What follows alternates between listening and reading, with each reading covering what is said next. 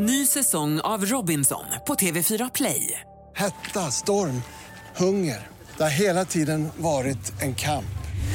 Nu är det blod och tårar. Fan händer just nu. Det. är Detta är inte okej. Robinson 2024, nu fucking kör vi! Streama söndag på TV4 Play. Du lyssnar på poddversionen av Senaste nytt från Expressen TV.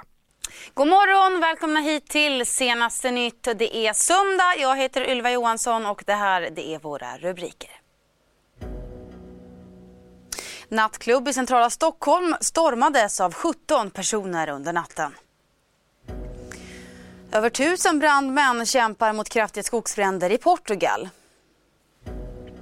Och Trump och Löfven i samtal. Presidenten erbjöd sig betala ASAP Rockys borgen. Men vi ska alltså börja med att berätta att ett stort gäng stormade en nattklubb i centrala Stockholm under natten mot idag. Enligt personalen som larmade så stökade personerna omkring och störde i lokalen. Och när polisen kom fram till nattklubben så fick de gå in och avvisa personerna och 17 personer blev avlägsnade från platsen med buss. Vad som ligger bakom stormningen det är i nuläget oklart eh, men polisen utgår ifrån att det hela var samordnat. Ingen person har gripits efter den här händelsen men polisen kommer nu att prata med vittnen för att utreda om någon utsatts för brott. Och så går vi utrikes. Över tusen brandmän kämpar nu mot skogsbränder i Castelo Branco-distriktet i centrala Portugal. Kraftiga vindar försvårar arbetet och militär är på väg för att bistå brandkåren. En by har evakuerats och en person har förts till sjukhus i Lissabon med allvarliga brännskador. Även flera brandmän har skadats men ingen av dem uppges vara allvarligt skadad. Myndigheterna de förutspår att bränderna kommer vara under kontroll tidigt på morgonen här här idag. Den brittiska Stena Imperio är fortsatt i Irans förvar. Nu så varnar Storbritannien The Iranian regime has to make a decision that it wants to behave like a normal nation. And if they do that, uh, we're prepared to negotiate across a broad spectrum of issues with no preconditions. And uh, I, I hope that they will do that. Um, we've done everything we can to create the space for this, to continue to take actions that are deterrence and de-escalation so uh, we can uh, have this opportunity.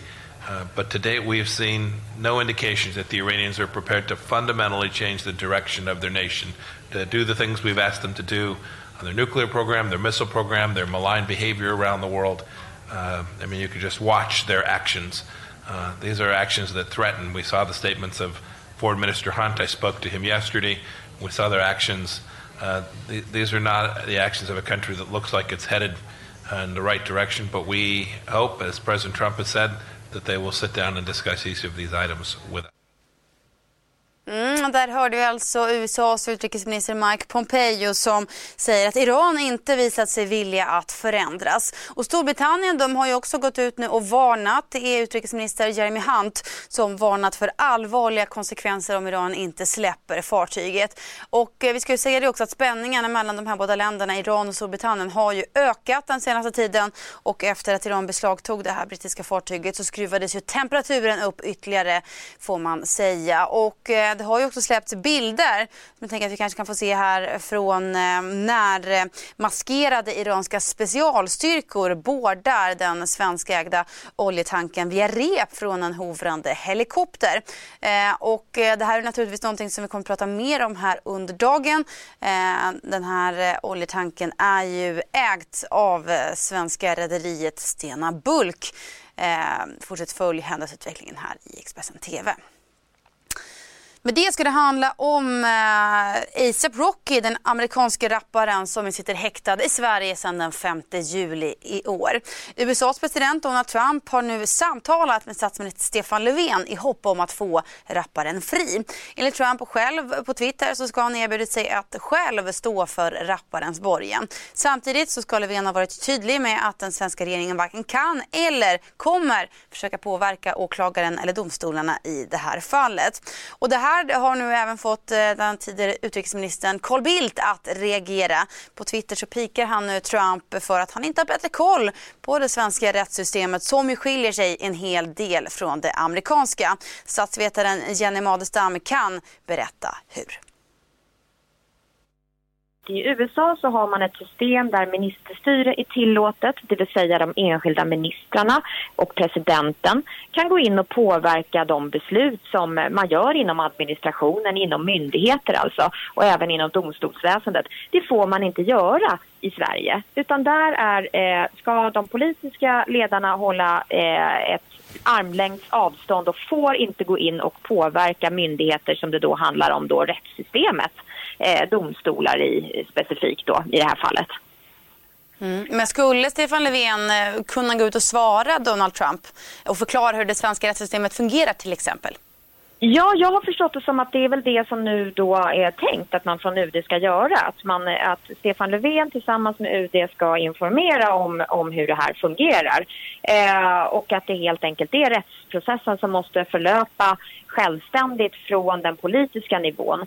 Eh, och att vi helt enkelt har en konstitution som förbjuder eh, då makthavarna att gå in och påverka. Så jag antar att det är det man nu försöker göra. Men det är ju också det är ju bekymmersamt för att den amerikanska presidenten är ju väldigt kraftfull i sitt agerande när han också går ut på Twitter på det här viset som han eh, brukar göra och eh, skapar en opinion som han nu också har lyckats med då. Och det är klart att det sätter press på Sverige men jag, min bedömning är ändå att jag tror att man kommer hålla fast vid hur den svenska konstitutionen ser ut och förmedla det både till Trump men också till omvärlden. Man kan agera eh, genom att, att försöka behålla anseendet internationellt genom att föra fram hur den svenska konstitutionen ser ut eh, och att på så vis också vidmakthålla goda relationer med USA för det är naturligtvis också väldigt viktigt för Sverige.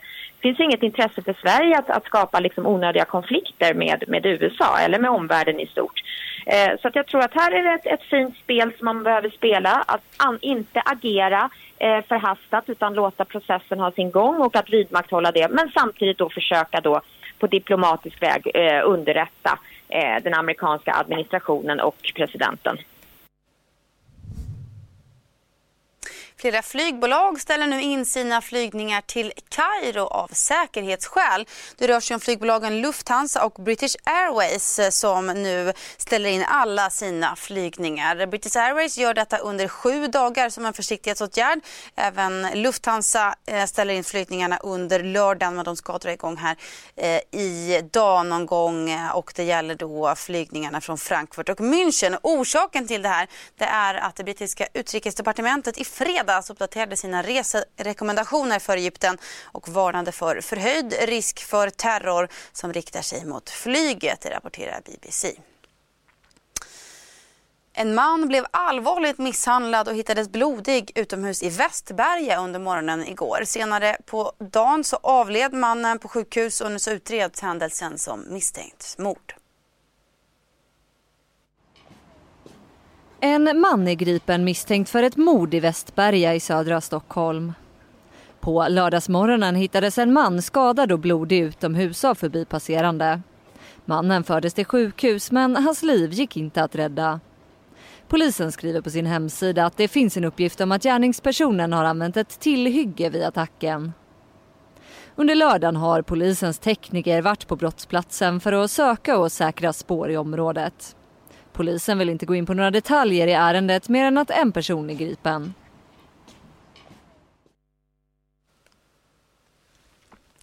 Idag så hålls också en minneshögtid i Umeå efter flygolyckan för en vecka sedan där samtliga nio personer ombord omkom. Umeå fallskärmsklubb och landshövdingen Magdalena Andersson är några av dem som kommer att medverka idag. Samtidigt så har ju eh, nu alla vrakdelar från planet fraktats vidare till Strängnäs där det ska analyseras av Statens haverikommission. Och det är ju som sagt fortfarande oklart vad som orsakade flygolyckan i söndags där alltså samtliga nio ombord omkom. Sju män och två kvinnor befann sig ombord på planet som störtade i Umeå. Detta berättade polisen under presskonferens och sa att nu pågår arbetet med att fastställa orsaken till den katastrofala kraschen. På måndagen bekräftade Statens haverikommission informationen om att delar av flygplanet brutits av i luften. Hans Itterberg berättade att man nu kommer att samla in vrakdelarna och transportera dem till haverikommissionens egna lokaler där de kommer att undersökas närmare. Utöver att analysera flygplansdelarna så är minnesenheter som kan finnas på mobiler, surfplattor och GoPros intressant för utredningen. Det finns ju inga svarta lådor i traditionell mening på ett sånt här flygplan. Men däremot så kan det finnas andra instrument ombord som har, eller har funnits instrument ombord som har minnesenheter av olika sorter och slag där det kan finnas data registrerade som vi kan ha nytta av och de kommer vi naturligtvis försöka att läsa ut. Enligt SVDs genomgång av internationell data finns det fem tidigare rapporter om motorfel på den aktuella flygmodellen. Men flygsäkerhetsexperten Hans Kjell är skeptisk till att motorn skulle vara problemet. Egentligen helt motorfabrikanten som är ansvarig för produkten så att säga. In, inte modellen på, på flygplan utan alla flygplan med, TIO 520 tror jag han hade som beteckning eh, har, har samma problem i så fall. Så det är många flygplan som drabbas, inte bara det här. Finska huvudstadsbladet rapporterade också om att australiska myndigheten redan i höstas varnade om att fästena för vingstöden mot flygkroppen kunde drabbas av metalltrötthet. Och efter olyckan har Svenska fallskärmsförbundet beslutat om att stoppa alla flygningar med planet. Flygplansolyckan i Umeå, där nio personer miste livet, är den värsta inom svensk flykt på 30 år. Mm, och en av de som befann sig ombord var Stina Hägglöf. Vi har nu pratat med hennes anhöriga som berättar om en levnadsglad och omtänksam tjej som älskade att hoppa fallskärm. För det är precis det jag sa. För du är ju mitt hjärta. Jag älskar dig över, överallt i världen. Så det var sista samtalet. Stina Hägglöf var en av de åtta fallskärmshoppare som dog i flygkraschen i Umeå. Hennes mamma och hennes bästa vän minns Stina som en levnadsglad och modig glädjespridare. En dotter och vän som kommer vara oerhört saknad.